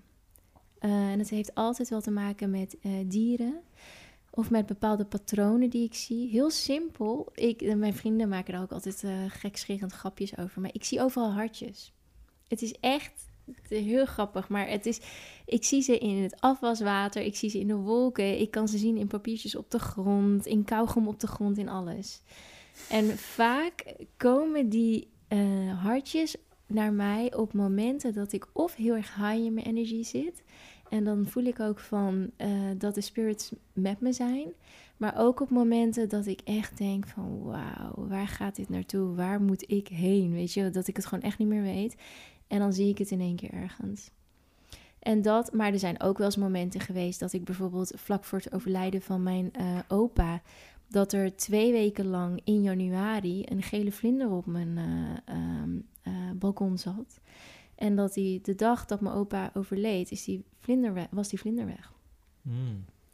Nou ja, en dat soort, dat soort dingen gebeuren ook. Maar het gaat er, ik denk dat we dat allemaal vaker hebben dan we denken. Maar dat het ook is dat je ervoor open staat en dat je het kunt zien en interpreteren, maar het ook kunt ontvangen. In ontvangen zit ook een heel belangrijk eh, deel in onszelf, denk ik. We zijn soms zo geneigd om ehm, dingen af te wijzen eh, of af te doen als, ah joh, dat is toevallig. Of dat, Mhm. dat weet je wel, dat, dat kan niet. Of dat is te zweverig of bijgeloof. Of, eh, dat- natuurlijk heel logisch, hè. Vanuit allerlei dingen die we meegekregen kunnen hebben vanuit onze opvoeding. Maar ehm, door er echt ontvankelijk voor te zijn en het te kunnen ontvangen als iets wat daar is voor jou, ja, creëer je al een bepaalde vorm van abundance. Zonder in de maakbaarheid te vallen hoor, want dat, dat, dat wil ik ook niet. Maar ehm, ja, ik zou, ik zou eh, mensen willen uitnodigen om daar eh, ja, ontvankelijk voor te zijn. Ja, cool. Zeker. Tof. Mooi. En, en heb, je, heb, je nog iets anders eh, Ja. wat je graag ehm, tegen mensen zou willen zeggen? Die dit nu die zitten te luisteren en eh, die zijn nu al zo lang aan het luisteren. Ja, je- ja ik ben er zo, zo lang Nee aan het maar, nee, maar zeg maar, heb je nog iets van, ze zijn nu hier en heb je nog een laatste iets? Weet je, wij hebben dingen gevraagd en misschien heb jij wel eens iets van, nou, dit wil ik eigenlijk echt nog even zeggen, want weet je wel. Ja, ja, ehm, ja, wees niet bang om jezelf te zijn. Ja, dat zou ik wel willen meegeven aan mensen. Dat ehm, ik zie echt, dat, dat is denk ik eh, heel lang mijn valkuil geweest, maar ergens ook mijn kracht. Er zit schoonheid in iedereen. En ehm, ik zou mensen willen uitnodigen om eh, ja, zichzelf in de spiegel aan te kijken en ehm, de schoonheid in zichzelf te verkennen. Ja. Wauw. Ik ga straks gelijk mee beginnen. ja. ja, mooi. Ja. ja, zonder die kritische stemmetjes. Ja, Ja. Dat, is, dat is het. eh, heel tof. En, ehm, en waar kunnen wij jou, eh, oké, soulstores.com, daar Mhm. kunnen we je vinden. Heb je nog andere kanalen die we moeten Ja. gaan checken? Eh, mijn Instagram kanaal, eh, dat is Talita Kalou. Ehm, en mijn Instagram Soulstores kanaal. En verder, ja. Ah, voor, voor, voor als mochten ondernemers dit luisteren en eh, die echt purpose gedreven zijn, dan mijn website soulpurpose.nl. Ja, Hmm, en daar, daar kunnen ze zo'n scan doen, ja eventueel. precies. Ja, ja, Ja. inderdaad. Die kunnen ze jou gewoon mailen en dan... Ja, ja. Oké, nou heel cool. Eh, dankjewel Talita. Ik, vind Ja. het een, eh, ik vond het een heel leuk gesprek. En eh, Jullie bedankt, heel erg bedankt eh, dat eh, ik dit verhaal hier kon doen. Heel blij mee. ja, tof. En eh, iedereen die dit heeft gehoord, ik eh, hoop dat jullie dit eh, kunnen delen Hmm. met eh, je vrienden, je familie. En ehm, ja, op deze manier kunnen we toch deze boodschap eh, de wereld eh, inbrengen. Ja. En allemaal wat eh, meer bewust eh, omgaan met eh, kleding en eh, gewoon bezoek brengen aan die Soul Store bij jou in de buurt. ja, ja, ja. En juist in deze tijd, want ze hebben heel erg geleden onder de pandemie. En juist die zelfstandige ondernemers kunnen nu echt je support gebruiken. Dus eh, ja, Hmm. zeker. Ja. Oké, dank jullie wel.